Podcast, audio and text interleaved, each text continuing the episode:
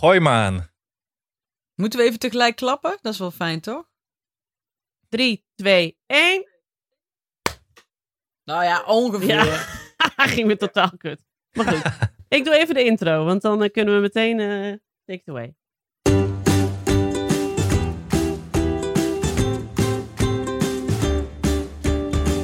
Ik ben Nienke de Jong, moeder van Janne van 5, Abe van 3 en Kees van 1 jaar oud. En samen met Alex van der Hulst, vader van René van 10 en Jara van 6, Hanneke Hendricks, moeder van Alma van 5 en Anne Janssens, vader van Julius van 5 en Doenja van 2, maak ik Ik Ken Iemand Die. Een podcast over ouders, kinderen, opvoeden en al het moois en lelijks dat daarbij komt kijken. Met in deze aflevering lockdown tip van Tisha Neven. Jee, want we Yay. komen er zelf niet meer uit. En Nienke is verkouden. Nienke, je bent verkouden. Ik heb al een maand lang een soort eh, verkoudheid en eerst was het ook nog een voorhoofdholtontsteking. Omdat je dagelijks wattenstaafjes had waarmee ze die ontsteking terugduwden in je hersenen. Het is een lekker fris begin van deze podcast. Mooi. Maar ze gebruiken Ja, toch ook uit, uit, uit bezuinigingsoverwegingen bij de televisie bij iedereen hetzelfde stokje, toch? Ik heb afgelopen maand de corona van Tijlbekkant gekregen. Kun je horen, inderdaad. ja. Nee jongens. hey, eh, ik heb nog steeds in de agenda staan, hele, ik ken iemand die heet hele kies, korte teaser update. Ik wil alleen even van eh, Anne weten hoe het met zijn home trainer is. Ja, nou ja, ik ben dus, eh, ik ben dus beschimpt vorige week door Alex en Hanneke. Nou, Twee Jawel. weken geleden. Nee, nee, dat was vorige week week. was Dat was dat. vorige week. Oh, vorige week. Ja, je hebt gelijk. Ik was gewoon echt ziek, hè? Tisha, ik was niet bij de aflevering. Ik was gewoon ziek. Julius was ziek geweest. Ik had zijn griep overgenomen. Ik was ziek. Luister we ik af... dat je dood was. Luister ik de Niet, aflevering? niet mannenziek, maar echt ziek. Nee, ik ben altijd ook mannenziek tegelijkertijd. Anne het is, is- wel mannenziek. Ja. Ik heb echt een mannengriep. Ja, het is drie keer erger altijd bij mij uiteindelijk dan bij de rest van mijn familie. Zeggen ze gewoon dodelijk in de aflevering. Ha, hij heeft vast van hartaanval gehad op zijn home trainer. Ha, ha, ha. kan je toch niet, dat kan je toch niet doen? Dat je er nog bent vandaag. Ja, kan Dat je toch niet? boos, boos uit... Ja, wordt hem eh, weggelopen en dacht, nou, ja, nooit meer een podcast. podcast met jullie. Maar Dat Tisha, kwam ik heb natuurlijk dus omdat een, ik eh, er was. Toen dacht je, dan, dan ga ik nog even meedoen deze keer. Ja, Ja, precies. Maar Tisha, ik heb dus een home trainer gekocht omdat het niet zo goed gaat met afvallen. Ehm, en ik had eerst allemaal eh, trainingspakken gekocht van Nike, omdat ik dacht, dan ga ik vaker rennen, want dan zie ik er goed uit. Maar dat werkte Dat niet. hielp niet. Toen dacht ik, ik moet er meer geld tegenaan gooien, dus ik koop een home trainer. Toen reageerden allemaal mensen op onze vriend van de showpagina van, weet die man wel dat hij die dingen ook kan huren om het uit te proberen? En daar reageren mensen op van, ja, dat weet hij vast wel, dat weet toch iedereen? Nee, dat wist ik niet! Jammer, te Dat laat. wist ik niet. ik wist dat niet. Eh, wat ik toen heb gedaan, van, ik begon me toch wat schuldig te voelen, omdat mijn home trainer de hele tijd op 70% af was. Eh, toen dacht ik, ik ga hem in elkaar zetten, het laatste eindje. En toen moest ik iets uitpakken op het stuur, want ik moest het stuur er nog op doen. En dat ging, ik kreeg het niet goed los. Dus ik dacht, ik pak de schaar, ik knip het los. Eh, ja, dat was niet handig. Dan heb je kabel doorgeknipt. Eh, ja, heb ik wel alle elektriciteitskabels doorgeknipt. Oh. Eh, dat was jammer. ja. Paniek natuurlijk. Grootste paniek. Eh, toen heb ik het in de buren-app gedaan. Waar ik trouwens inmiddels ben uitgestapt. Maar dat is een ander verhaal. Eh, toen heeft een buurman wel het voor me gerepareerd. ja. Maar ja, toen werd ik dus ziek. En toen heb ik dus ook niet gekeken of het alweer doet. En nu durf ik eigenlijk niet verder te gaan met het in elkaar te zetten. Zo zwak excuus. Heel goed. Super Ja, bedankt. ik herken het wel. Ik heb dit soort dingen wel met, ehm, op een iets andere manier met allerlei online trainingen die ik koop. Omdat ik denk dat ik daar dan heel veel mee ga doen, die ik vervolgens niet doe. Dat doen mensen ook bij mijn online training, dat is het jammer, maar dat, dat doe ik dus ook. Maar ook met boeken. Ik heb hele stapels boeken die ik allemaal ga lezen en dan niet lees, maar wel denk. Soms straf ik ze zelfs opnieuw aan, omdat ik denk, dat is een mooi boek. En dan blijk ik hem nog te hebben. Oh, Dus ja. ik herken het wel, maar ik doe het wel in iets goedkopere eh, dingen dan een nieuwe home trainer. Ja. Ja. Kijk, dat joggingpak kan je dan wel thuis aan. Herken je dan ook, Tisha, dat je dan, als je dan weer een nieuw boek koopt, dat je dan ook het gevoel hebt dat de ongelezen boeken je ook een beetje beschuldigend aankijken? Zo van, hallo, wij waren hier eerst. Ja, ik Don't ben ook soms in drie boeken me. tegelijk bezig. Ja. en dan denk ik, ja, weer vakliteratuur. Nee, ik ga gewoon iets leuks lezen. Nou, en dan begin ik daar weer in en dan weer een hulpboek. En nou ja, dat is verschrikkelijk. Maar eh, eh, ander ding. Eh, want dat, ik denk dat Tisha dat niet weet. Maar eigenlijk, Tisha, door jou woon ik nu in Muidenberg. Ja. Nou, dat is toch leuk? Ja. En ik niet meer. Dat is niet helemaal jammer dan. Anders had ik in je buren-app gezeten misschien. Jij, jij woont niet ver, toch? Jij bent verhuisd. Ik ben nou wel benieuwd door welke buren jij eruit bent gegaan. Want die ken ik dan waarschijnlijk. Ik heel ook wel, ja. klein. Oh, was dat door dat ene appje, eh, Anne, dat je eruit bent gegaan? Ja, er was een, een buur die zat een beetje te zeuren. En toen dacht ik, nou, hier heb ik ook helemaal dacht geen ik zin in. klaar. Maar ik was ook Maar ziek. wat leuk!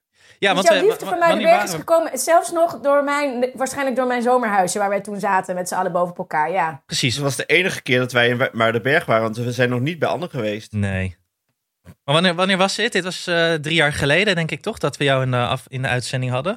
Of twee Vier jaar jaar. geleden? Drie Ja. jaar. Wow. Vier jaar geleden. Vier jaar. Bizar hè?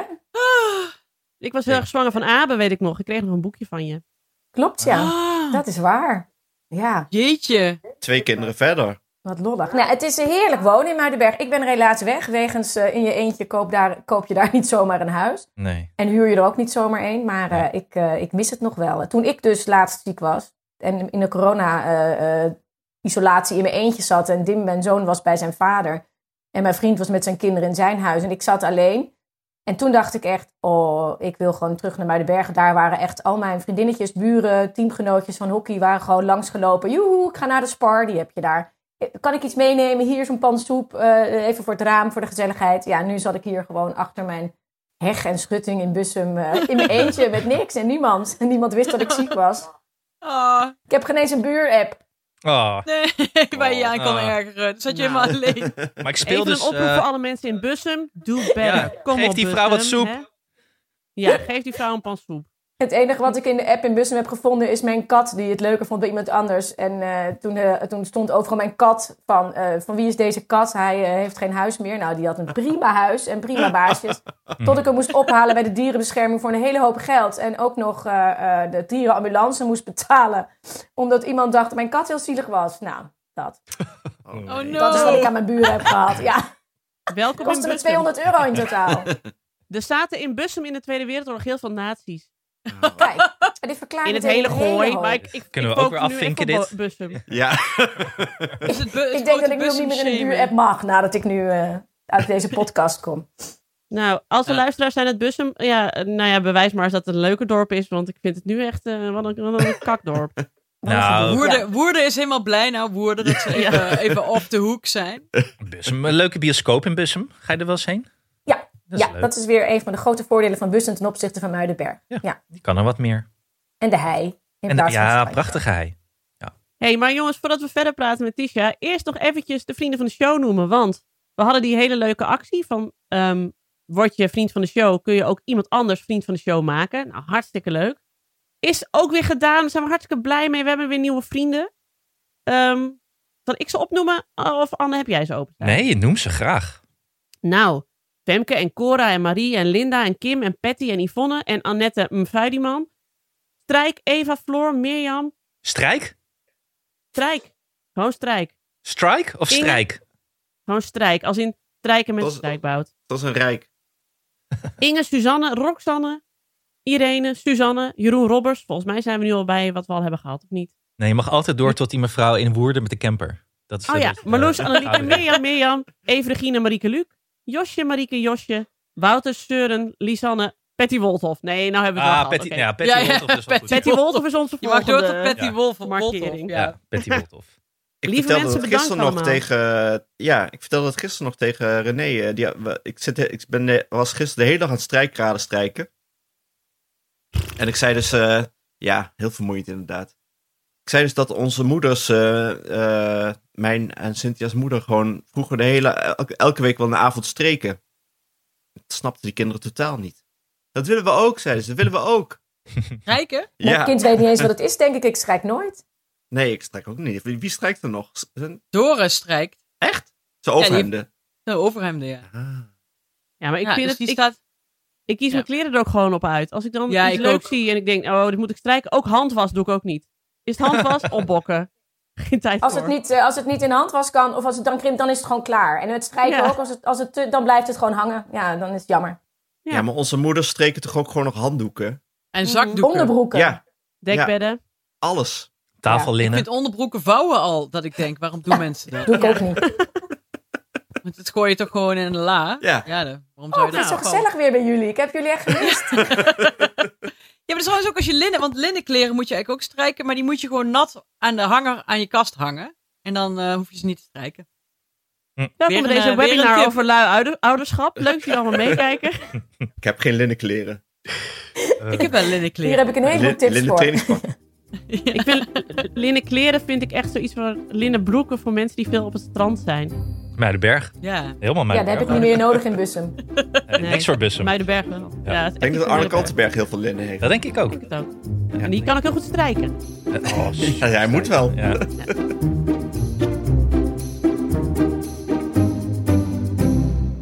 Hé, hey, maar Tisha, wij hebben jou gevraagd, omdat eh, eh, we zitten natuurlijk weer in een lockdown. Het zal niemand verbazen. We weten ook, mijn god, niet hoe lang deze lockdown gaat duren. Ze zeggen vier weken, maar goed.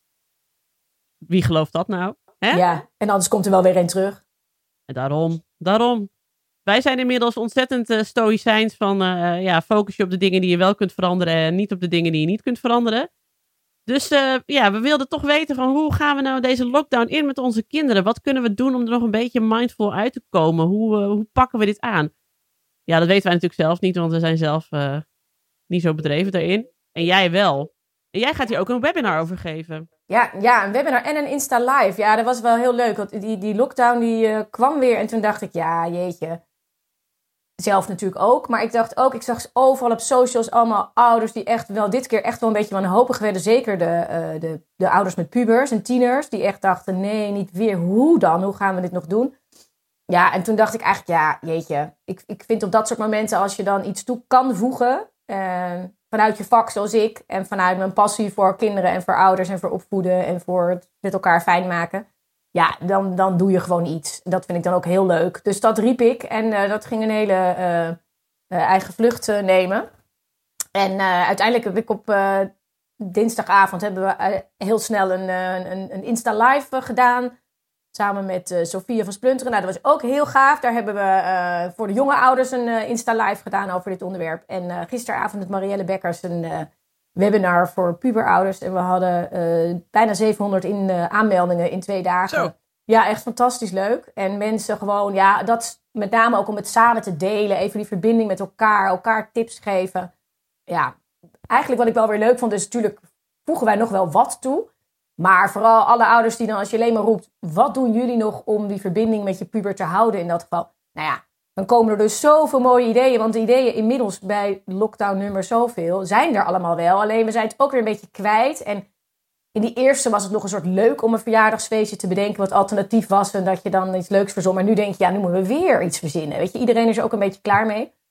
Maar het was super leuk om te zien dat iedereen gewoon, nou ja, ook nog wel heel veel mooie positieve ideeën heeft. En ehm, ja, en waar ik mee begon, om maar meteen even te beginnen. Want ik ben ook altijd hè, van we gaan kijken naar wat er wel is. We gaan kijken naar wat hier de positieve kanten van zijn. Hoe maak je het leuk? Is allemaal helemaal waar. En ook denk ik dat het nu vooral ook echt tijd is dat we onszelf en ook onze kinderen ook even echt mogen laten balen. En dat we het echt even heel erg rot mogen vinden, er boos over mogen zijn, verdrietig over mogen zijn, eh geïrriteerd, alles. Want als we dat niet ook ruimte geven, dan eh, kom je ook niet bij al die mooie oplossingen en ideeën. Ik kan ze wel allemaal vertellen, maar dat heeft geen zin als je zelf niet eerst door dat gevoel en die emotie heen gaat. Nou ja, daar hebben we het vorige keer ongetwijfeld ook over gehad. Ik geloof wij er kunnen dat heilig heel goed. eh, Ja, ja dat Wij is, eh, hoef je ons niet te vertellen, Dit dit, is het balen. Echt een van onze kerncompetenties. Ja. Heel wat Maar- is het heerlijk. Ja, maar dat is dus heel helpend, hè?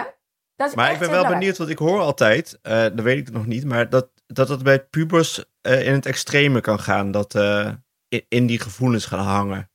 Klopt Ja. dat? Ja, en een puber hangt zeg maar in zijn gevoel. Dus die hangt gewoon in, weet ik veel, heel veel irritatie of heel veel boosheid. En vooral heel veel afreageren op iedereen in huis in zo'n lockdown. En dan hebben de ouders het gedaan, want ik mag van alles niet. En ja, Rutte kan je wel boos op blijven, maar die is toch iets verder weg dan je moeder of je vader die zegt... we gaan ons er toch aan houden. Ehm, maar waar het om gaat is vooral dat je ehm, in verbinding met je kind komt. Ja, verbinding, het is het, ik, ik zoek nog steeds naar het andere woord. Maar het is wel echt wat het is. Maar dat je dus niet alleen maar denkt... oh ja, nou, laat hem maar, hij is even zagrijnig. Maar dat je ook met elkaar woorden geeft aan...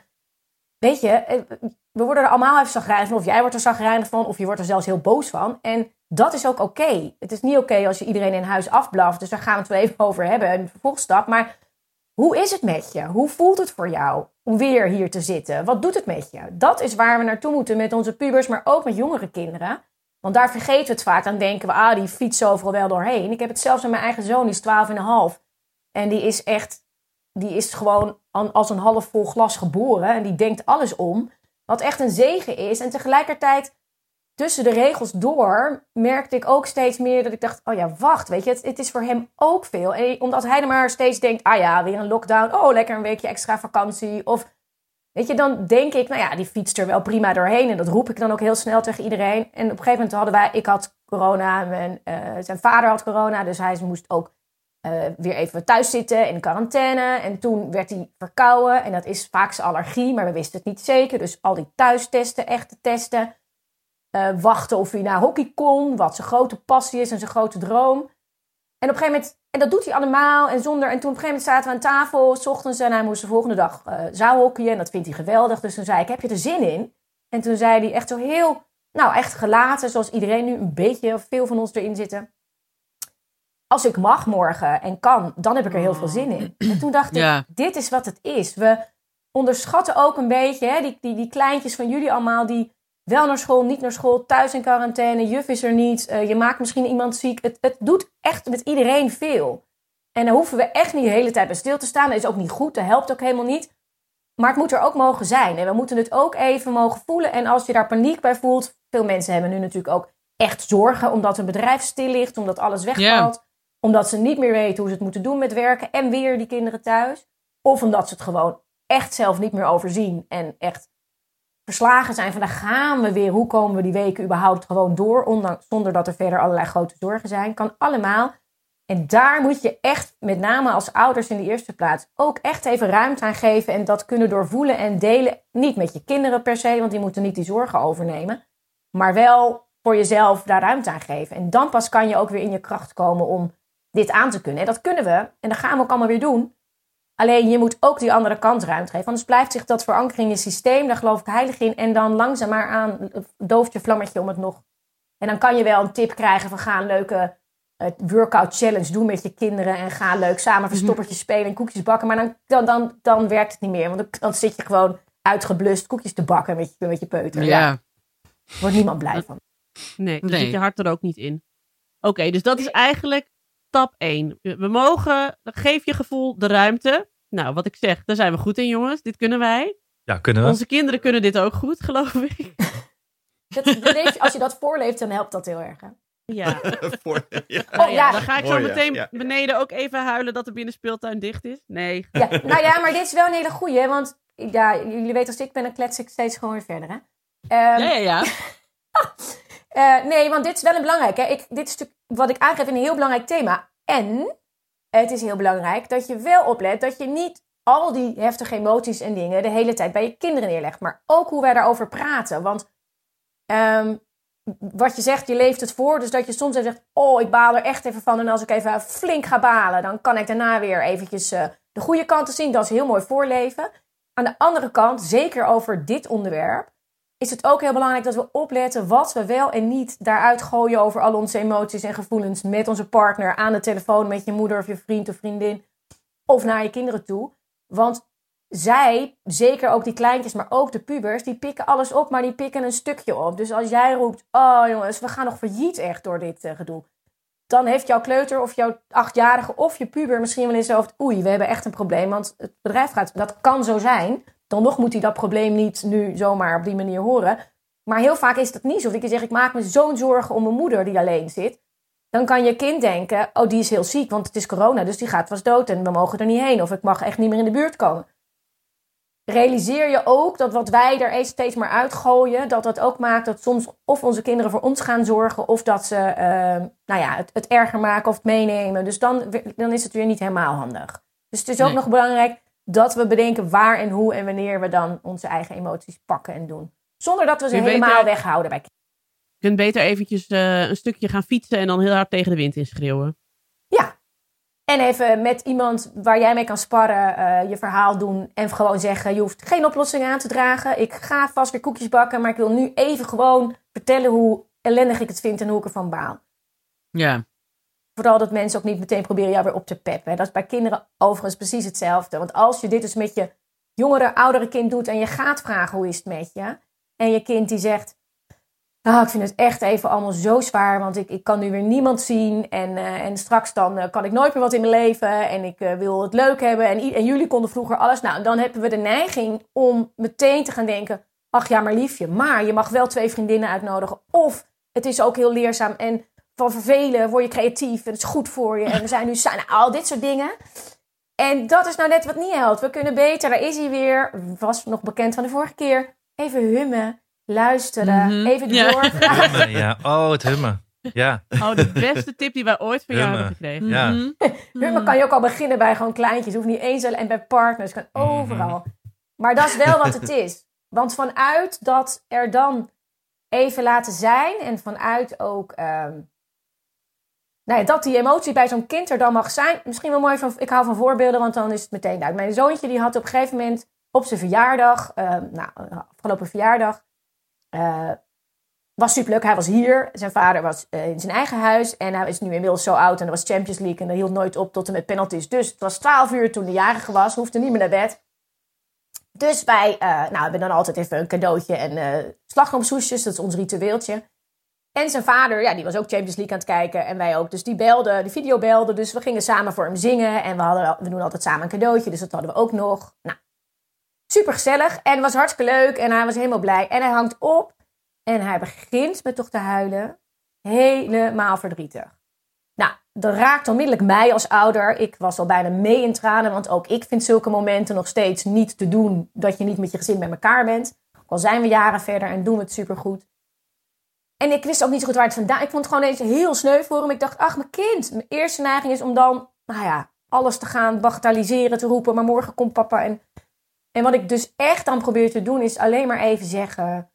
Oh, lievertje, heb je het even moeilijk? Ja, zei hij. Ik zeg, kom maar even. Dus ik sloeg mijn armen om me heen en pinkte een traantje met hem mee weg. Liet hem even huilen, zei niks meer. Liet hem gewoon gaan en hij ging een beetje zeggen. En ik, waarom zijn jullie niet bij elkaar? En ik vind het even moeilijk. Ik zeg, ja liefie, ik weet het. Ik zeg eigenlijk alleen maar, ik weet het. En ik, dat, ik snap het. En, en ik, dat, dat voel ik ook. Mhm. Ja. En vervolgens laat ik hem even zo. En dan ga ik niet... In mijn hoofd gaat natuurlijk al lang, hè? Oh, doen we hier wel goed aan? Moeten we dit anders doen? Oh, eh, morgen komt zijn vader, zal ik dat vertellen? We hebben samen... we- Maar dat doe ik niet. En dan op een gegeven moment, daarna komt hij dus, als hij dan eenmaal... En dat gaat vaak veel sneller over dan wanneer we dat allemaal gaan voeden of gaan doen. En toen zegt hij ook ineens, zegt hij maar... Ik vind het wel super fijn zo en ik zou het niet anders willen. En morgen komt papa, dus eh, dan is het helemaal fijn. Ja. Oh, nou, maar dan komt het uit jezelf en dan ga jij weer in je kracht. En anders ga je vaak juist in je slachtofferrol of je rol van ja maar, ja maar, maar het is gewoon eigenlijk allemaal moeilijk en ellendig. En daarna zeggen wij allemaal weer, als iemand je even laat spuien over die, die, die lockdown, dan zeg je weer, ach, maar ja, we zijn weer lekker samen en gelukkig is het kerst dus toch snert weer, we kunnen toch geen kant op. We gaan lekker met kaarsjes aan. En, maar als je daar zelf bij komt, is het zo twintig keer belangrijker en mooier. En heb je dat gevoel even gewoon. Ja. Het is het stomme, want je weet zelf ook wel dat het zo is. Want er is inderdaad niks irritanters dat als je even wil schelden en je bent even kwaad dat iemand dan tegen je zegt, weet je wat jij moet doen? Je denkt, nee, opbokken. Ik wil, ik wil dit helemaal niet horen. Ik wil helemaal geen oplossing. Ik wil gewoon even klagen. Je hebt Dan- ook zo'n, wat heb je zo'n schilderijtje heb je toch hangen beneden in de kamer? Wat staat er ook weer op? Wederom. Oh ja, Nienke? van, van Gumba. Dat is een illustratie Ja. van Gumba. En er staan een man en een vrouw op. En dan zegt die man, zegt, eh, is volgens mij, wil je het oplossen of wil je erover zeuren? En dan zegt de vrouw, over zeuren. Ja. Natuurlijk. Maar ik heb dus ouders die dit nog steeds bij mij doen, Tisha. Ik ben nu 38 en als ik bij mijn Ja. ouders kom en ze vragen hoe gaat het en ik zeg iets, dan krijg ik meteen tien oplossingen voor mijn, voor mijn probleem, tussen aanhalingstekens. En dat Ja, maar maakt, weet je wat dat maakt ook dat ik niet, niet graag vertel hoe het eigenlijk is. Nou ja, dat is Ja. precies het gevolg. En kijk, die kleintjes, daar kom je soms nog wel even mee weg. Maar richting die puberteit en hoe gesloten je kind wordt, ja, dan op een gegeven moment denk je, oh ja, mijn moeder gaat toch twintig keer relativeren en oplossingen aan. Of oordelen, of een- alles gooien we erin, hè. En dan denk ik, ja, dat is wat zo'n kind... En dan denken ze, ja man, weet je, en dan zijn ze alweer op hun kamer. En dat is dus precies wat gebeurt. En de neiging is ook zo logisch, hè, want we willen gewoon helpen, Ja, oplossen. Dat is fijn. Ik, als ik mijn moeder, bij mijn moeder doe ik het dan uiteindelijk ook weer, als die dan helemaal in, dan denk ik, nee, terug, later even, ze heeft het even zwaar. En dan kan ik wel roepen, ja mam, je kan nog heel veel vergeleken bij anderen. Ja, dat helpt helemaal niet. Mhm. Nee. Er is niet wat ze wil horen. En, eh, dus het is eigenlijk elke keer weer even alert zijn. En ja, ik heb nu een, in een nieuwe relatie, nou sinds een aantal jaar al. En dat is heel handig, dan start je gewoon opnieuw. Dus ik, ik en die weten soms ook niet wat hij moet. Maar dan zeg ik gewoon, ik ga nu even tegen je aanpraten, je hoeft niks te zeggen. En wordt hij heel blij van. Mhm. Heel duidelijk. Ik noemde Tom Ja, aan het begin precies, van onze ja. relatie altijd relativeer meneer. Omdat hij altijd met zoiets kwam van, nou ja, hè, dood is erger of zo. Ja. Ik heb er ook heel snel uit moeten halen. Want het was ook echt een voedingsbodem voor veel frustratie. Relatief. Nee, dat is, ja. Een soort Ja, van, Doris van mag vaak Coat ook en alleen de maar zeggen- eh, sketch kan Oh. je daarvan maken. Wat zei je? Zou een soort van Coat en de Bie sketch kunnen zijn, toch? Ja. Relativeer meneer. Ja, zo iemand die de hele tijd zo over de heg komt met... Nou, weet je wie het pas erg hebben? Niet helemaal Ja. voor me. Maar wat mag Doris, Hanneke? Nee, die zegt, dat roep ik dan ook wel eens. Nee, je moet alleen zeggen dat het erg is voor mij. oh ja, oh ja, oh ja, oh ja. Oh, wat erg, zegt Nou, hij. Helpt wel. We hebben het weer over onszelf. Oké. eh, We hebben het weer over onszelf, ja. Stapgewijs er doorheen. Ehm één, we moeten dus, Tisha moet dus erkennen dat het er is. En we moeten niet onze ellende te veel op het bordje van onze kinderen leggen. Dus weet wat, wat je met ze deelt. Hoe, Ja. Ik, ik ben het nu weer stappen aan het doen hoor. Ik weet niet of er stappen zijn. Maar wat is de leuk. volgende stap die we kunnen zetten? Nou ja, misschien is daar wel, die we eigenlijk net ook al een beetje bespreken. Maar daar komt hij dan denk ik, eerst moet je dit natuurlijk even echt... Je moet niks, maar het is fijn als je dit zelf doet. Want dan zit je er alweer, kan je ook anders naar je kinderen toe. En dan is denk ik een mooie eh, stap om te kijken waar kun je gewoon... En ook niet dat je nou zegt, nou eh, kind, we gaan even om de tafel zitten... en nu gaan we even praten over hoe dit allemaal voor jou is en wat we allemaal moeten doen. Nee, dus, maar ga dan wel voor jezelf denken, waar zie ik haakjes, ingangetjes, signalen bij jonge kinderen, oudere kinderen? Waar is er een mogelijkheid om het even met elkaar losjes te bespreken? Van jeetje, daar zitten we weer, jongens. Het is ook wat. Hoe, is, hoe, vind jij het? En ehm, ja, kijk, mijn zoon vond het leuk toen ik dat gisteren met hem ook deed voordat ik mijn webinar inging. Want toen dacht ik, leuk dat ik het ook zelf doe. Ik vergeet het vaak zelf te doen. Ik, ik, weet het al prima te vertellen. Ik, oh, is wel leuk dat ik ook bij mijn kind even vraag. En toen zei hij natuurlijk van ja, weet je, lekker zo'n week extra vakantie. Ik zeg, oh ja, ja, nou ja, snap ik ook. Dat ook, zou ik ook vinden nu als ik een kind was. Alleen, zo wat vind je van dat dan andere dingen? Hè? Want ja, zijn zaalhockey gaat ook niet door. En, zijn, eh, en met vriendjes eh, allerlei dingen overal afspreken ook niet. En toen was het heel interessant om eens te vragen van... wat vind jij dan het, het vervelendste aan die lockdown? Omdat, ja, ik had van alles bedacht wat hij vervelend vond... maar dat was helemaal niet wat het was. En maar dan, kijk, dan, dan, hij noemde ineens iets met... dat we met vriendjes met z'n allen bij elkaar kunnen zijn. En had ik natuurlijk, daar is hij weer meteen kunnen zeggen... nou, hoe vaak doe je dat nou eigenlijk op je twaalf en een half? Ja. Maar dat is dus in zijn hoofd waar hij nu aan denkt. Dus ik zeg, goh, en wat voor dingen bedoel je? Dus toen kwamen we daarin op een gesprek. En toen nou ja, kwam hij er toch wel op uit dat er toch best wel veel natuurlijk momenten... dat je dan eigenlijk met z'n allen wil afspreken... maar dat je dat dan toch niet doet. Of dat ouders dat niet willen. Of dat ze dat zelf dus al voelen. Ja. En daardoor kwam ik daar... En dan had ik helemaal niet... Want ik had helemaal niet bedacht dat hij dat zou zeggen. Ik dacht meer het hockey of zo, weet je. Maar dat is dus wat... En dan kan je, zonder dat we daar dan weer iets mee moeten... maar wel, dan hoor je wat er speelt. En zo hoor je ook. En dat is ook heel belangrijk, vind ik nu. Met name ook bij de kinderen die wat ouder worden... eh, die het echt pittig hebben op allerlei fronten. Met name omdat dat hele sociale proces nu niet goed tot stand komt. Waar zij, wat echt een hele belangrijke ontwikkelingstaak is in hun leven. Eh, ga kijken wat leeft er en hou feeling. Want we hoeven ons niet allemaal zorgen te maken. Er zijn heel veel kinderen die hier uiteindelijk echt wel prima doorheen kunnen komen en komen.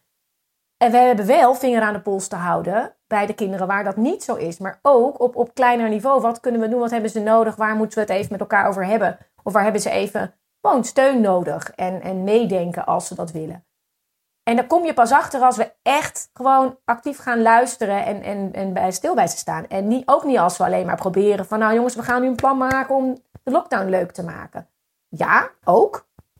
En het andere. Dus dat is denk ik het volgende stukje waar je... En dan pak dan ook weer hè, de, de, eh, de, de ritjes in de auto. Je gaat er nergens meer heen, maar goed, moet je even rond gaan rijden. Ehm, ga, eh, het, het- als je wandelt, als je ehm, een spelletje aan het doen bent, als je staat te koken samen, of als je met je kinderen aan, met de trein aan het rijden bent. Dat zijn momentjes waarop je eventjes kan peilen. En neem ook die kleintjes, hè, die opa's en oma's en zo, wat dan nu ook allemaal weer spannender is. Dat doet echt ook veel met kinderen. Dus Ja. ja. En kijk even waar ze aan denken, want dan kan je zomaar ineens van je kleine kind horen. Ja, maar oma wordt straks ook ziek. Oh, daar ben je bang voor. En dan kan je weer, nou, dan mogen we wel relativeren. Maar Tisha, is jouw zoon eh, dit jaar begonnen op de middelbare school? vorig jaar in de brugklas kwam die eh, in dit jaar met die lockdown, wat natuurlijk heel ongelukkig eh, was en is. En nu in de tweede klas. En je ziet ook, als je ook nu alle literatuur, gelukkig is het nu ineens in de, in de media dat we heel veel horen over die mentale kant van, die, van tieners. En nu hoor je het weer even over de tieners. Dat geldt ook voor die studenten. Het geldt natuurlijk voor heel veel doelgroepen. En niks is meer of minder of erger. Maar wat, je daar, wat ze daar nu gaan ontdekken, is dat met name de tweede klassers en derde klassers van nu, van dit jaar, ehm, het heel zwaar hebben. Ja, dat zo, ja. want die hebben die sociale basis en die groepsvorming die heel belangrijk is in die brugklas en in die tweede klas en in die eerste weken, die hebben ze gewoon voor een heel groot deel gemist. Ja. En je ziet dus ook op scholen dat leerkrachten nu zien dat daar alle aandacht naar uitgaat en ook moet gaan. Want ze komen soms niet eens meer tot leren, de motivatie is laag, maar die leerkrachten die zien ook allerlei groepsprocessen in die klas die nog uitgedokterd moeten worden, wat je normaal begin van een schooljaar gewoon binnen een aantal weken neerzet, Mhm. dat is nu elke keer weer verstoord. En dat eh, geeft ook in de, in de klas en in de groep heel veel. eh, Merk je dat zelf ook? Ja, dat staat. eh, ik, wat- je zegt, dat stond eergisteren in NRC over. eh, dat ze dan noemen ze stormen en normen. Wat ze normaal in de eerste weken doen. En dat blijft nu maar aanhouden. Normaal, ze zeiden normaal in de herfst, na de herfstvakantie kunnen we gaan leren. En maar vormen blijven ze krijg je maar, daarna toch? Ja, maar nu blijven ze dus maar klieren en ruzie Oh. maken. En, eh, Ja, en op zoek naar die groep, hè? Want dat is waar. En, en wat natuurlijk nu het lastige is, de, de, de tieners worden nu weer, zeg maar, weer teruggewezen op heel veel thuis, heel veel bij hun ouders. Wat natuurlijk ook mooi is, hè? Want laten we vooropstellen, dat geeft ook weer contacten. Ik denk onze kinderen, er is er niemand die weer de afgelopen jaren zoveel contact met zijn ouders heeft gehad als onze kinderen. En dat heeft ook mooie kanten als we daar op een goede manier met elkaar mee omgaan. Ehm, en bij de gezinnen waar dat kan, hè, want laten we dat elke keer vooropstellen. Want als dat niet de basis is die je in huis hebt als gezin, dan is het natuurlijk echt, echt heel zorgelijk en pittig.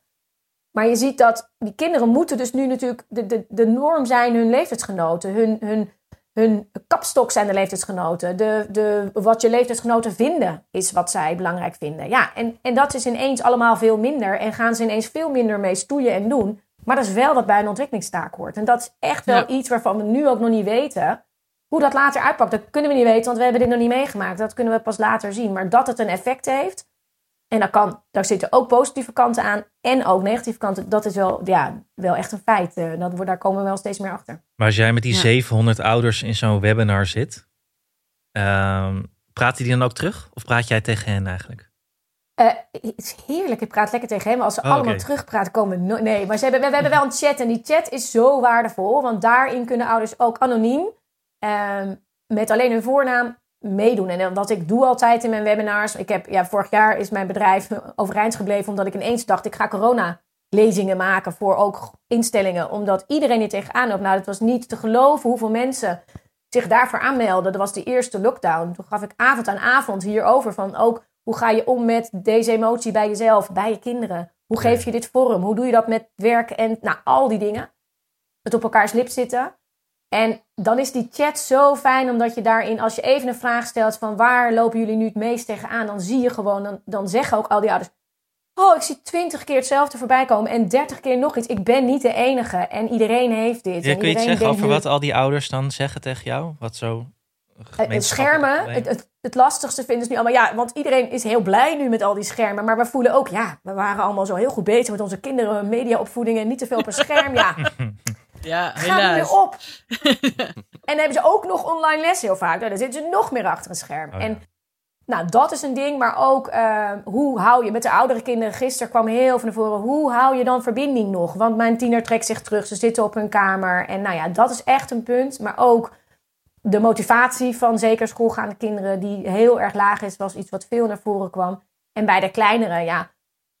En ook bij de ouderen hoor. Het thema, hoe zorg ik ook nog voor mezelf? Dat is vaak wat ouders niet zien, maar waar wij dus wel heel veel nadruk op leggen. Je moet echt goed voor jezelf zorgen. Want als jij niet de energie hebt, als jij het niet aan kan, als jij niet oplaat, ja, nogmaals, dan kan je nog zoveel koekjes bakken en leuk doen, maar dan, dan verliest het zijn kracht. En dan, en dan ga jij er niet van genieten. Als jij geen plezier hebt, is dat ook wat jouw jonge kinderen, oudere kinderen, weet je, dan ga ik niet meer, dan doe je het omdat je het moet doen. En dan ga je naar buiten omdat je naar buiten moet. Dus Dat stuk is voor veel ouders heel belangrijk om ook bij stil te staan van hoe zorg je nou voor jezelf. En dan is het heel leuk als je zo'n chat hebt. Want als je dan vraagt, hoe zorg jij dan voor jezelf? Waar laat jij van op? Dan hup, heb je in één keer mega veel mindfulness, yoga, eh, de, de, weet ik het wat, eh, eh, pauze nemen, in bad gaan, vriendinnen, sporten.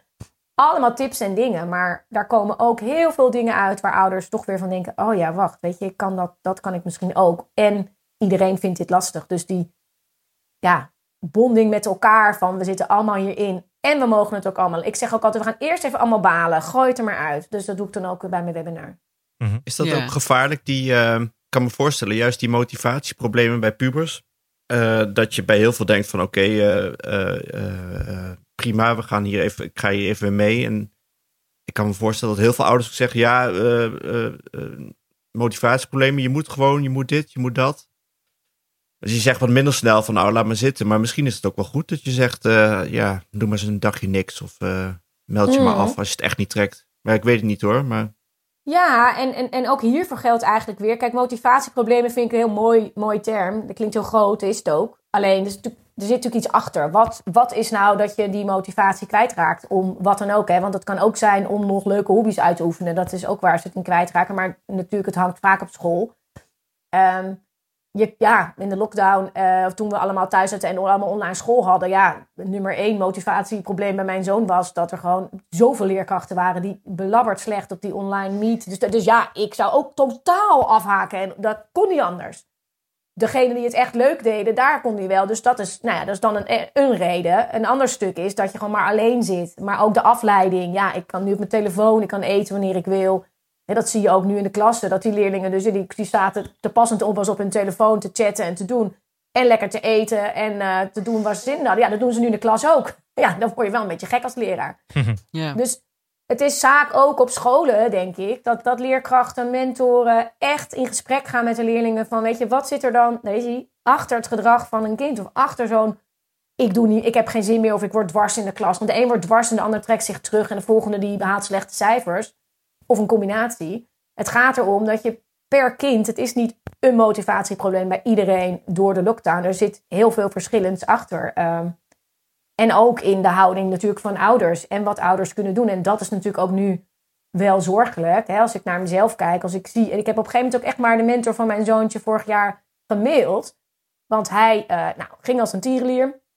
Is heel jong in de brugklas. Hij was pas net elf, hij was elf toen hij in de brugklas kwam. Dus het was best wel spannend in die, ook in die tijd. Nou, hij wist helemaal niet hoe hij moest leren. Had nog nooit iets hoeven leren. Hij leerde zo makkelijk dat hij nooit leerde. eh hoefde leren te leren. Ja, en ineens moest je nu denken, nou, hij wist helemaal niet hoe hij het moest aanpakken. Zo'n toets had dat helemaal niet gehad op school. Ja, wij hebben ons werk omgegooid om dat met hem, zowel zijn vader als ik, te gaan oppakken. Wij kunnen dat qua eh, ons eigen eh, opleidingsniveau, maar ook omdat we dat konden doen met ons werk, omdat we dat leuk vinden, omdat we één kind hebben. Vergis je niet, hè, die pleegkinderen heb ik niet in huis, dus dat scheelt. Dus wij konden dat doen, maar op een gegeven moment, en daardoor bleef hij best wel dat allemaal aardig doen. En op school, als hij daar weer was, dan, nou, hij fietste daar wel doorheen. Dus de juf zei ook ja, nee, Dim gaat lekker hoor. Ik dacht, ja, haha. Dat komt omdat wij met hem eh, heel veel oppakken van wat er op school ook niet gebeurde en wat de leerkrachten niet zagen. Dus toen dacht ik, ja, en dat vind ik ook voor ouders echt belangrijk. Trek aan de bel bij die mentoren. Ook als jij merkt, hè, ik had gisteren ook weer ouders die dan zeiden, ja, mijn, mijn tien, ik, ik weet het niet meer. Hij, hij, ik, ik, hij zit bij, hangt maar thuis. Dat is niet altijd het gedrag wat ze ook op school laten zien. En als ze het wel laten zien, wordt het ook niet altijd opgepikt. Dus of je nou op de lagere school zit of op de middelbare school, leg het op school neer. En, en want soms kan een mentor wel met jouw tiener of jouw puber praten. Want een ouder is toch anders. En dan houden ze ook, hou je met z'n allen vinger aan de pols en kan je het vanuit verschillende hoeken bespreken en oppakken. En soms ook zelfs over als jij een vriendje of een vriendinnetje van jouw tiener de hoort waar je echt zorgen over maakt. We moeten echt voor elkaar zorgen. Laat het weten. Laat, geef je kind mee van hoe zou je dat kunnen bespreken met je mentor of met je vriendinnetje. Maar anders doe het zelf. Geef aan. Hou even vinger aan de pols. Eh, ik heb er geen goed gevoel bij. We moeten dat echt doen, want leerkrachten en mentoren kunnen het niet allemaal eh, weten als wij ze niet, het niet vertellen. En die afstand is natuurlijk ook groter nu we in die lockdown zitten. Ook op lagere scholen, als je alsmaar bij de deur je kind afzet. En je moet echt wel ja, je, je dingen doorgeven. Zonder dat iedereen nou constant op die leerkrachten moet vallen. Maar vooral vanuit, ja, weet je, dit is belangrijk om te weten. Ja, en ook om de kloof tussen die kinderen niet te groot te laten worden. Ik bedoel, die, zal, die is er ontegenzeggelijk en die is er al vanaf de wieg natuurlijk. Van kinderen die ouders hebben die hen ja, bijles kunnen geven, die de financiële middelen hebben om ze te helpen, die de ruimte in hun hoofd hebben om ze te helpen. Ja, dat, is, zijn ontzettend veel plussen voor een kind waar hij zijn leven lang eh, ja, voordeel van heeft. Maar die kinderen die inderdaad nu in een onveilige thuissituatie zitten, die ouders hebben die totaal niet weten waar die kinderen mee bezig zijn of niet kunnen helpen, of geen tijd of, of gewoon simpelweg omdat je allebei een beroep hebt wat je niet thuis kunt uitvoeren en je gewoon nog ploegendiensten moet draaien in het ziekenhuis en geen tijd hebt om je kind ja, te helpen met zijn schoolwerk. Iets waar je niks aan kunt doen. Dat zijn allemaal dingen waar je niks aan kunt doen. Maar ja, zou heel verdrietig zijn uh, als je over acht jaar merkt, er is een groot onderzoek en je ziet, oh, die kloof tussen de kinderen ja, ja. is nog groter geworden. Ik ben bang dat, die, dat dat gebeurt en dat dat ook nu natuurlijk al gaande is. Uh, uh, en ja, ik, ik, weet je, mijn, mijn, mijn hoop en wens is dan ook dat deze periode maakt dat we allemaal iets meer uh, aan elkaar gaan denken. En dat zag je in die eerste lockdowns, denk ik, heel veel. Toen was iedereen heel erg bezig met anderen en dan was het, werd het ook heel erg steeds benadrukt. Nu is iedereen een beetje gelaten of geïrriteerd over alles. En ik hoop zo dat we dat terugpakken. Want als jij dus jouw zoon of dochter, als jij het wel in huis hebt of kan doen, of gewoon überhaupt de tijd of de ruimte hebt om er meer zicht op te houden als er straks wel weer online school zou komen. Um, ga, kijk even bij de vriendjes en vriendinnetjes van je, uh, van je zoon of klasgenoten. Van, is er iemand waarbij de ouders... Want dan kan je ook zeggen, joh, laat je zoon bij mij zitten. Gaan ze samen hier zitten. We, bedoel, we kunnen echt elkaar daar wel in helpen en ondersteunen. Eén of twee maakt echt niet uit. En dat is ook nog weer fijn voor jouw kind thuis, weet je. Dus daar zitten ook voordelen aan. En als je merkt, mijn kind... Ik had laatst een ouder die zei, ja, mijn, mijn kind zit... Hè, dat was in die vorige lockdown toen ze dus heel veel online les hadden. Ze zit alsmaar alleen. En het is zo niet goed. Dus ik weet je, ga kijken, hoe kan je een koppeltje maken met iemand? Want het welzijn van onze kinderen staat echt weer op. Vanuit dat ze zich redelijk oké voelen, dat ze plezier hebben, ga je leren, krijg je zelfvertrouwen, daar ontstaat alles uit. Als dat er echt niet is, kan je wel roepen, ja, is niet gemotiveerd. Nee, ja, niet gemotiveerd. Je bent niet in staat om open te staan om te leren. Dus door dan twee kinderen naast elkaar te zetten. En die moeder zei ook, ja, toen, toen we uiteindelijk met een vriendinnetje gewoon een aantal dagen in de week afspraken, ze bij elkaar gingen zitten met online school, maar elkaar ook, maar ook even weer de gezelligheid en de lol konden hebben, leefden ze helemaal op. Ja, weet je, dan denk ik, oh, er zijn gemiste kansen als we dat niet doen. En dat kan binnen de maatregelen. Denk met je gezonde verstand, maak bubbels die kunnen. En bespreek dat met je, zeker oudere kinderen, samen. Van hoe kunnen we dat dan wel, hoe kun jij wel die sociale contacten houden? Welke momenten, welke plekken, met wie, waar kunnen wij achter staan? Ja, dat is zo belangrijk. En daarvoor, dat vraagt eerst, dat, daar kwam ik gisteren ook op, allemaal, toen we met die ouders bezig waren dat je zelf goed denkt, waar ligt voor mij eigenlijk wat er kan? Want dat is nu, we hebben regels, we hebben de, de, de richtlijnen, we hebben uh, adviezen. En het valt of staat allemaal nu met wat is jouw situatie van jouw kinderen, van jouzelf. En waar, uh, binnen welk kader en grenzen ga jij uh, je houden aan die regels. Je kunt niet zeggen iedereen moet dit of dat. Als er iemand wegkwijnt, kan je niet zeggen, ja sorry, je kan er niet heen. Nee, klaar is geen optie. Je kunt wel zeggen, hoe doe je dat dan? En veilig, en hoe doe je dat? Nou, zo. Maar dat geldt dus ook voor dit stuk. En dat, ja, ik, daar, daar geloof ik erg in. Maar dan moet je als ouder eerst zelf over hebben met anderen, met je, met je partner, met jezelf. Dat je denkt, wat vind ik eigenlijk daar echt oké? En dan kan je het gesprek aangaan met je kind en je kinderen. Van hoe gaan we dat doen deze weken? Letterlijk een plannetje maken met elkaar. En wat wil je dan en wat vinden we dan oké? en hoe kunnen we elkaar vinden? En dan voelt ook zeker die tieners voelen zich gezien en dat ze mee kunnen denken en dat ze kunnen denken in mogelijkheden en niet alleen maar in, nou, dit mag niet, dit mag niet, dit mag niet. Ja. Kaders toch waren het, Tisha? Hm? Dat heb ik onthouden van de vorige keer toen we bij, bij jou waren. Dat je de kaders moet stellen. Kaders. En daarbinnen, Ja. Kaders, ja. En daarbinnen ze ook vrij moet laten. Maar ze Ja. mogen niet de kaders, kaders uit, eigenlijk. Veranderen al die kaders nou de hele tijd door die lockdown?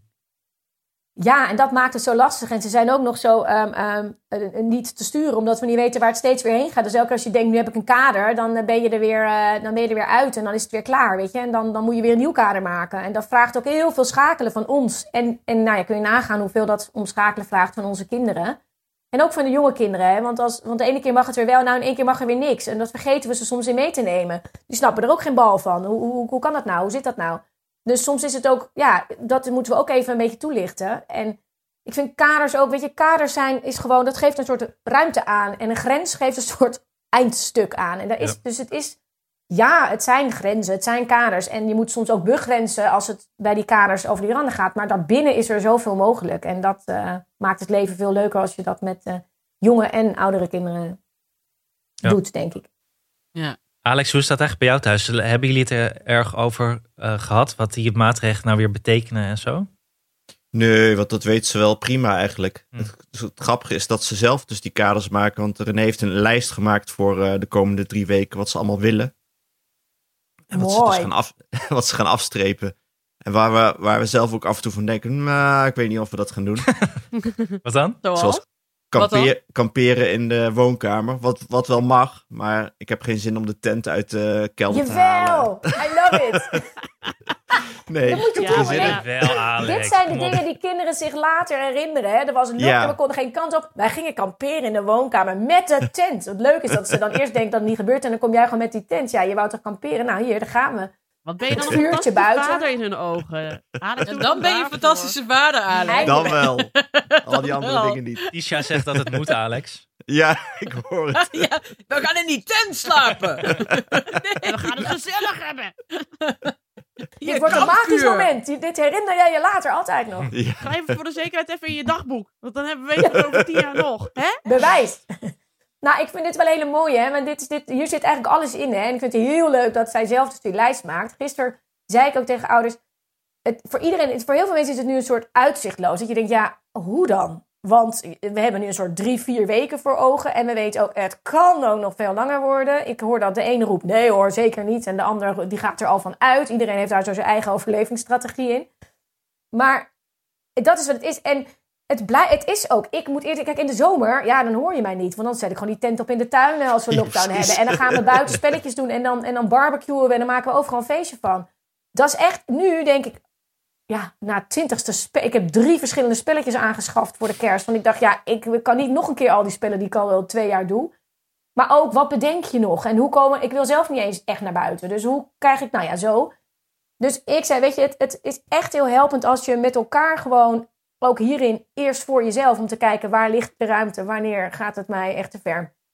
Maar ook van wat vind ik oké qua schermtijd van mijn kinderen, qua welke tijd heb ik voor mijn kinderen in de komende, zeg even de komende week, dus pak het per week. Eh, moet ik nog werken? Ben ik vrij? Eh, wat heb ik zelf nodig? Eh, welke dingen hebben we? Welke dingen moeten we? Welke dingen mogen we? Wat staat er al vast qua kerst en dingen? En ga dan eens die, die, dat invullen met elkaar en met je kinderen. Zodat je ook, en ook met jonge kinderen, dat het duidelijk wordt. Dat is echt even gewoon lekker zelf spelen. Dan moet ik even een, een meeting in. Of dan ben ik aan het werk. Of dan is mama er. Of dan is papa er. Eh, dan gaan we echt even wat samen doen. Nou, gisteren, ik riep hem gisteren en er kwamen twintig varianten op. Ik dacht, maak een pot. Twee potten eigenlijk. Waarin je de kinderen zelf laat bedenken. Jong en oud, hè. Superleuk. Daar komt die lijst eigenlijk. Maar dan, dan heb je hem iets meer in de hand.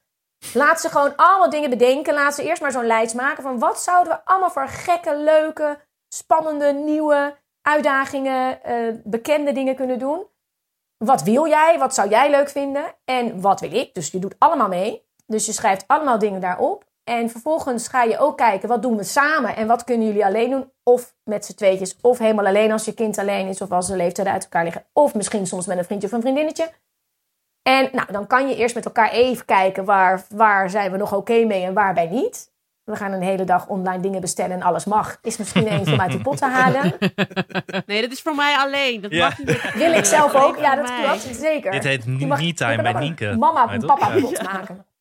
Ja, ho, ho, ho, eh, meneertje home trainer. Er Black Friday. Dit had je zoveel kunnen besparen als je na had gedacht over dit eh, voordat je die hoofdtrainer aanschafte. Had ik al toegegeven dat ik een elektrische vouwfiets ook had gekocht? Of niet? Oh nee, daar wou ik het nog over hebben inderdaad. Dan Een heb elektrische vouwfiets? ja, dat is echt dit- op twee fronten fout gewoon. Bestaan die? Ja. Wat, voor wat Waarom een vouwfiets?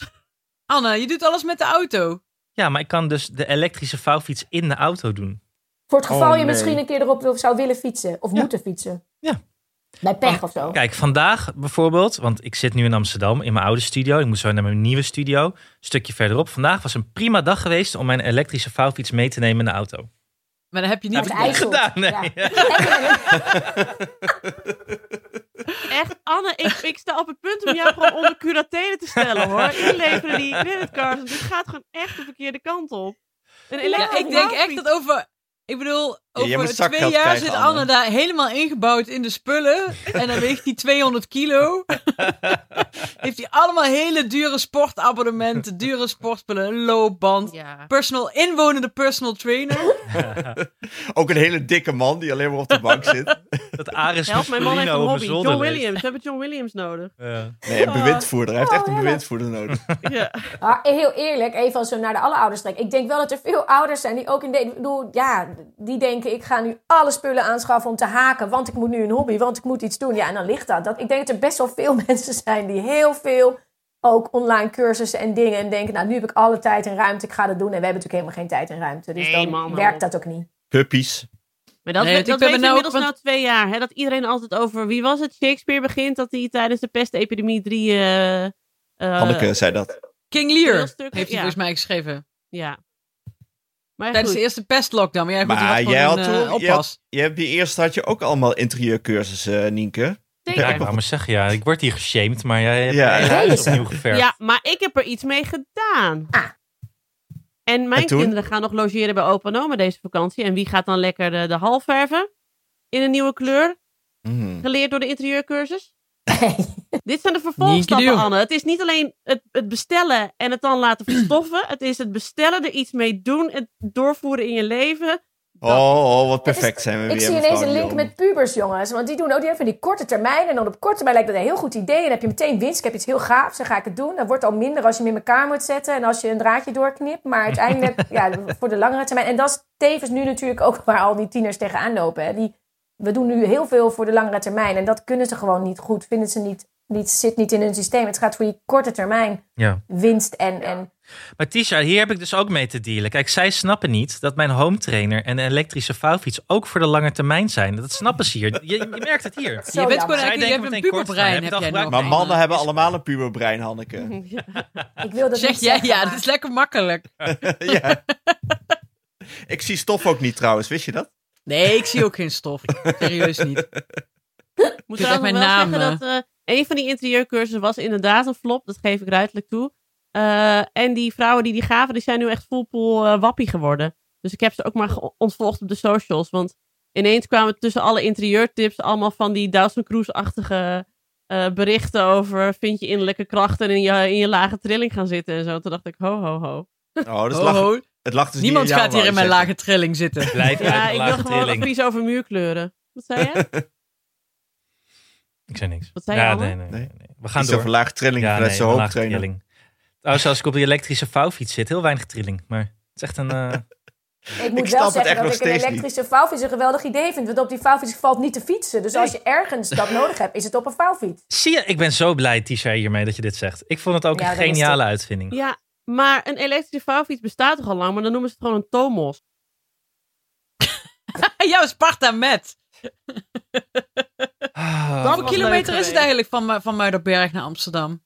Hoeveel kilometer Maar is dat dat? je hem ook echt voor de... Ja, precies, dat kan makkelijk. Je kan zo fietsen van Muidenberg Je naar kunt toch toch Amsterdam. gewoon fietsen met een elektrische Nou, fiets? zelfs ja, zonder ik heb ook een elektrische fiets. je. Oh, je hebt Ook ook nog. Heb je altijd, maar loop jij mij altijd uit te lachen dat ik een elektrische dit- fiets dit- heb? ik heb het nu mijn vouwfiets. Dat is mijn elektrische fiets. Daar kan ik mee van uh, Muidenberg naar Amsterdam. Ga je Dat lijkt me wel heel eh, ingewikkeld.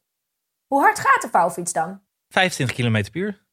Ja, dat- je mag niet harder dan, dan met de vouwfiets, anders moet je helmpje op. Dat mag je wel. Maar dat is gewoon een motor. Ik word gewoon door een motor daarin geduwd. Wat zitten jullie me uit te lachen? Ja, het ziet Nee, er nee, gek ik heb uit. zelf ook een elektrische Ja, fiets. het heeft kleine wiels. maar Ja, ik maar- Ja, je ik kan snap het alleen het vouwaspect niet. Ja, dat kan allemaal. Dat is handig.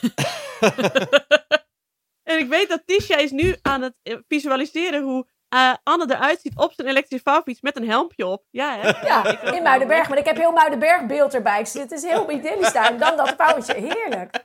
Het Ik denk, het is heel goed is dat jij uit die buurt-app bent, Anne. Eén ding over, over mijn elekt- elektrische vouwfiets zit. Ik heb hem Stefan genoemd, want hij is van het merk Bolt. Nou ja, goed, dat ook.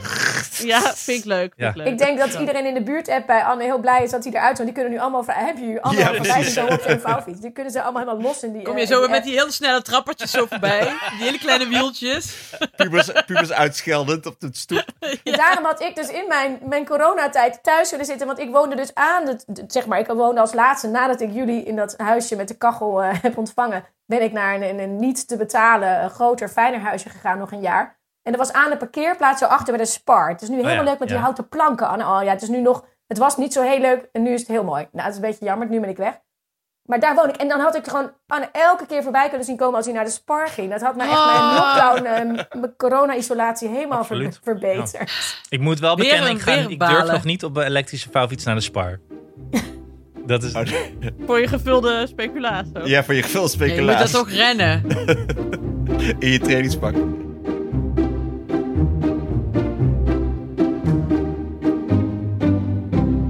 We gaan even terug naar tips waar je wel wat aan hebt. Behalve koop een elektrische vouw. Ja. Nou ja, nee, kijk, die, maar we waren volgens mij ergens lang geleden gebleven bij die, die, die weekplanning. Maar en dat klinkt Ja. suf, maar het is echt, want ieder structuur en routine gaat steeds weer weg en verandert steeds weer. Dat is nu al twintig keer gebeurd.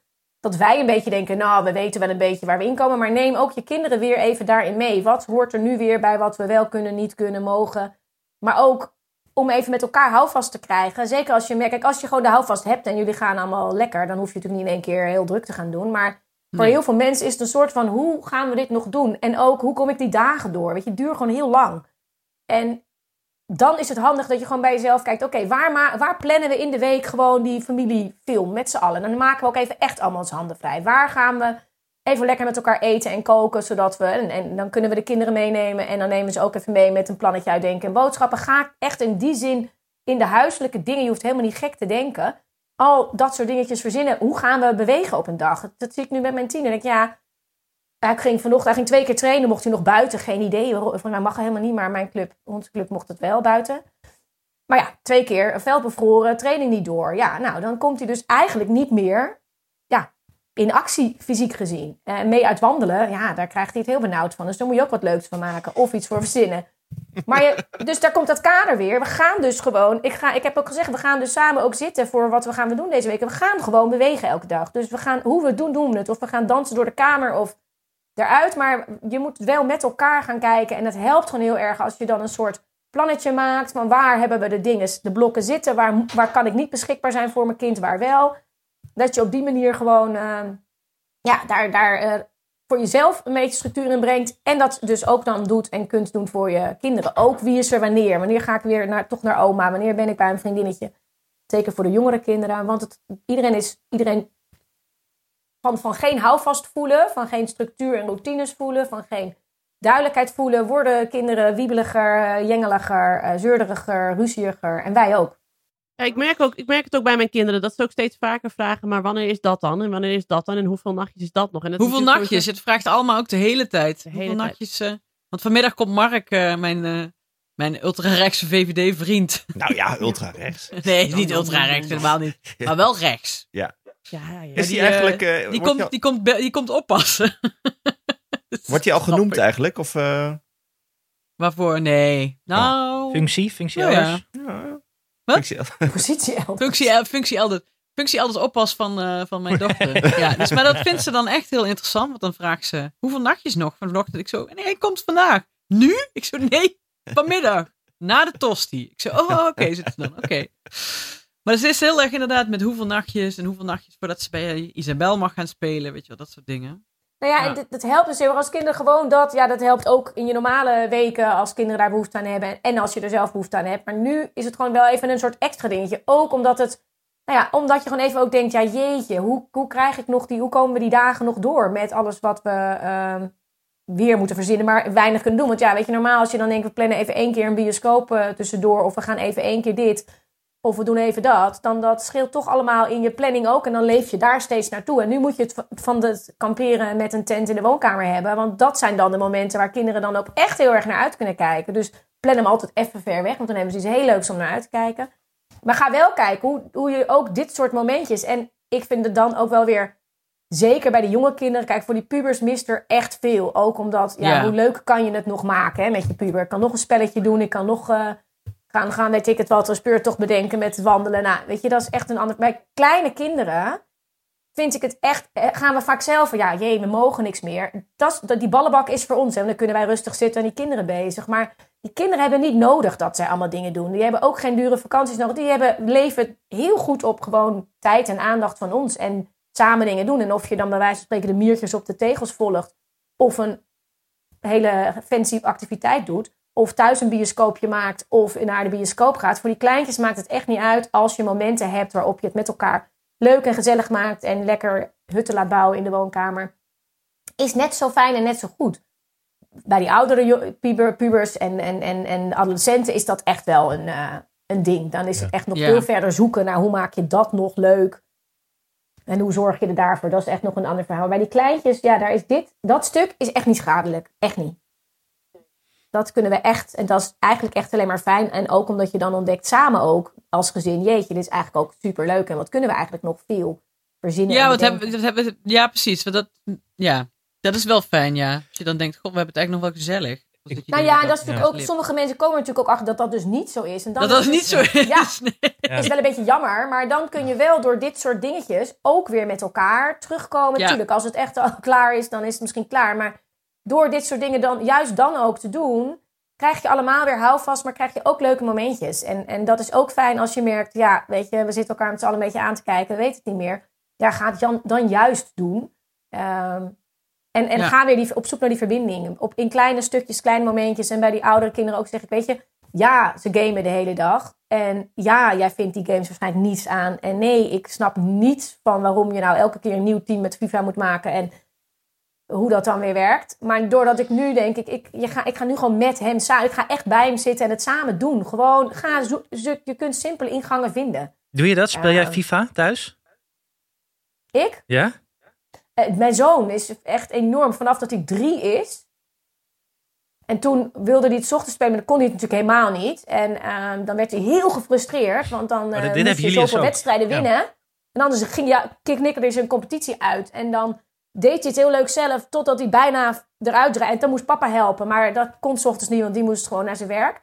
En dan hadden we elke keer ruzie. En Hij was echt 3,5 en toen zei ik op een gegeven moment, Dim, dit wil ik niet meer. Ja. Want het is echt niet fijn. Je mag 's ochtends wel even op de iPad, hè, want hij was dan helemaal klaar. was onze, onze afspraak. Ik zeg alleen, nu hebben we elke keer ruzie en gedoe. En papa kan gewoon echt nu niet helpen. Dus hoe gaan we dit oplossen? 3,5. En ik had van alles bedacht, maar hij zei... Dan ga ik 's ochtends niet meer op de iPad. Ehm, en, eh, en dan doe ik het alleen in de middag. Want dan is papa er. En dan kan papa winnen als ik verlies. Nou, goede oplossing. Terwijl Ja, ja, ja, ik had van alles bedacht. En als ik had gezegd, je moet maar geen eh, FIFA meer spelen 's ochtends, was het huis te klein geweest. Ook al was hij 3,5. Dus uiteindelijk kwamen we hierop. Maar dat doet hij dus al vanaf dat moment. En ik, ik krijg af en toe les van hem. Het is hilarisch. Ik snap er echt geen bal van. Dus het is wel tricky, want op zijn account mag dat niet. Want dan verliest hij door mij. We hebben ook oefenaccounts.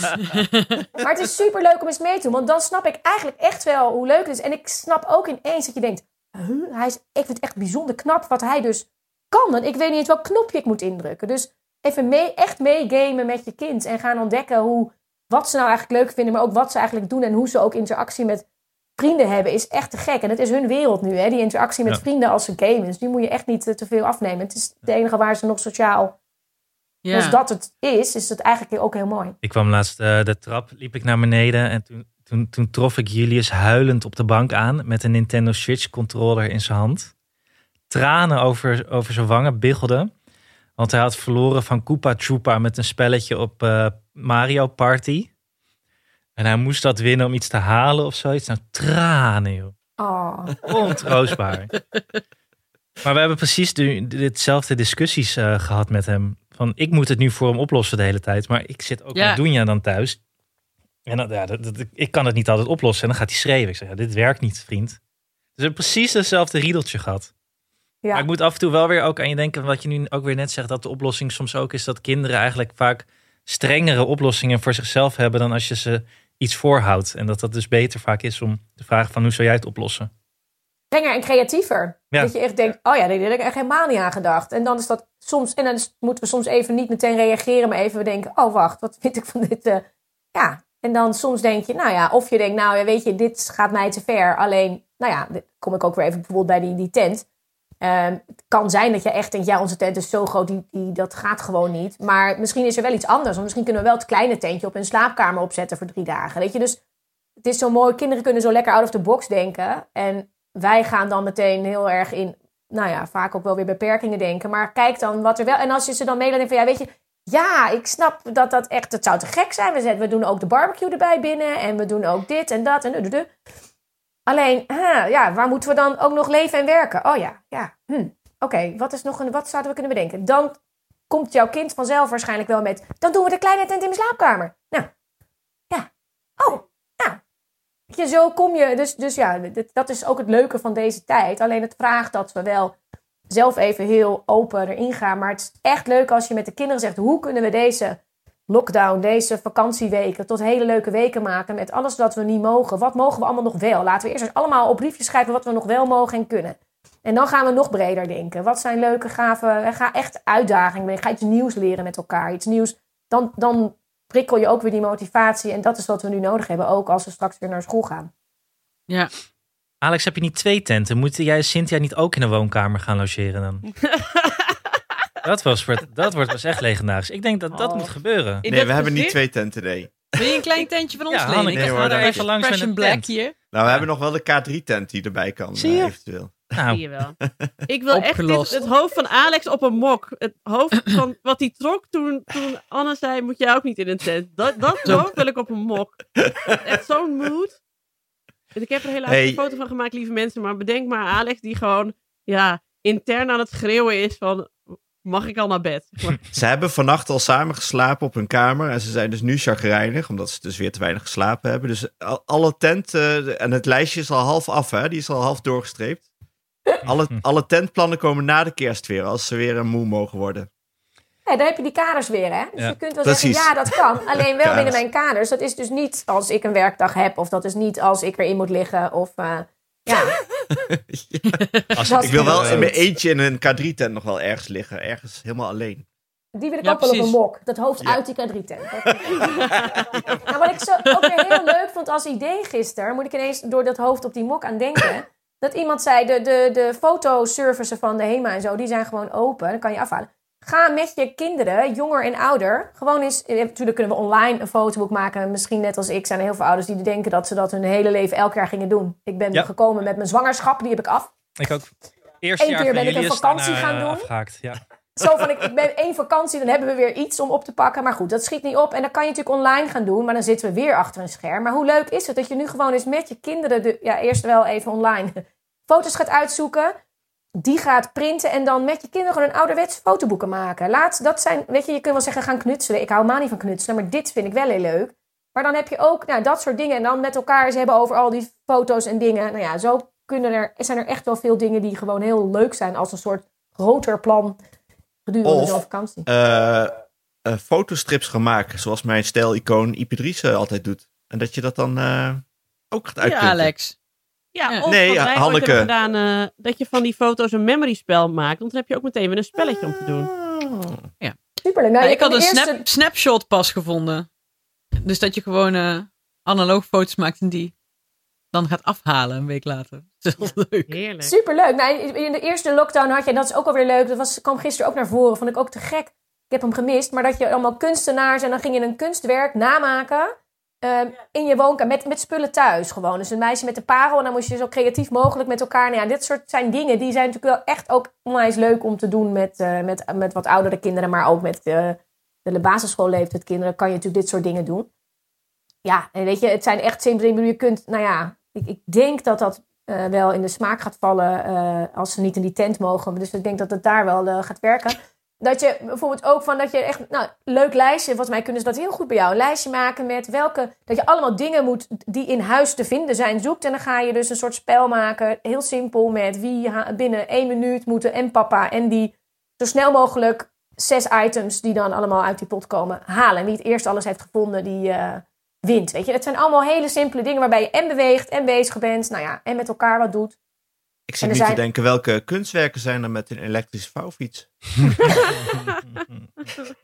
Heeft Banksy toch wel iets meegemaakt? Ja, en een vast wel, hoofdtrainer ja. erbij. Ja. Ja, ik was aan het denken dat het, misschien een, dat het misschien een Nederlands spreekwoord gaat worden. Van ik mag, we, we gaan weer eens niet in de tent. hey, maar niet. ehm Tisha, want ehm, als je nou nog één ding daar mogen meegeven aan de, aan de ouders die dit luisteren en die eh, nu niet minder wanhopig zijn dan aan het begin van dit uur, hopen we dan maar. En, eh, maar wat zou je ze nog mee willen geven? Ehm, ja, weet je, ik hou er toch altijd ook heel erg van dat we met elkaar ehm, het, het, het eind ehm, waar gaan we straks naartoe en waarvoor is het uiteindelijk ook altijd wel weer eh, oké. we komen hier weer een keer uit. We weten allemaal niet wanneer, maar het gaat heus wel komen. En als je steeds ook weer voor ogen houdt, oké, wat wil ik dan? Wat is dan voor mij belangrijk? Dan is het belangrijk dat jouw kind daar met voldoende veerkracht, zelfvertrouwen, ehm, ehm, op een fijne manier erop terug kan kijken. Daar wat, ook wat de positieve dingen uit kan halen. Niet alleen maar denken, het was echt een hel, ik kon. Maar dat is wat je wilt, straks, allemaal, wij ook. En als we dat voor ogen houden, dan, dan kun je misschien ook iets makkelijker denken... we gaan toch die tent in die kamer opzetten. Want weet je, het is wel iets wat ik echt niet wil... maar ja, straks is dat echt iets waar wij op terugkijken. En dus ook dat je goed blijft kijken. Ik wil, mijn kind moet niet nu in een totaal isolement raken. Dus wat kan er wel? Waar ga ik dus binnen wat er kan voor mijn kind zorgen... dat we hier straks allemaal oké uitkomen? En leuk uitkomen. En met verbinding uitkomen. En met het gevoel van we kunnen dingen voor anderen doen. Daar zijn ook zulke mooie ideeën uit ontstaan in die eerste lockdown. Wat we nu ook allemaal een beetje weer vergeten.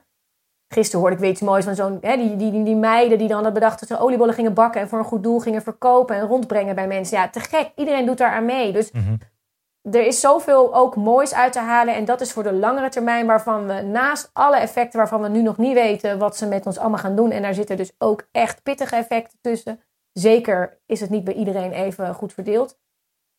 En we kunnen er ook een heleboel uithalen waarvan we zeggen straks: Jeetje, het heeft, is wel de tijd geweest dat we meer aan elkaar zijn gaan denken. Het is wel de tijd geweest waar, waarbij we ontdekt hebben dat we met heel weinig heel veel konden. Nou ja, laat dat zijn waar we dan weer steeds maar weer met elkaar naartoe gaan. En ook voor ogen houden van we komen er wel uiteindelijk uit en we kunnen dit. En naar kinderen toe mag je ook echt zeggen: ja, het is even moeilijk. En ja, ik vind het ook moeilijk. Hè. Dat mag je echt ook wel delen, want oh, je hoeft dat echt ook niet weg te houden. En we kunnen het. En we gaan het doen. Het, het, het is hetzelfde met, je, je, je, met alle emoties. Je angsten ehm, weg proberen te stoppen helpt niet. Je angsten zeggen, ja, ja, ik vind het spannend. Ja, ik vind het. En ik ga het wel doen. Ik ga het wel aan. Dat is waar we...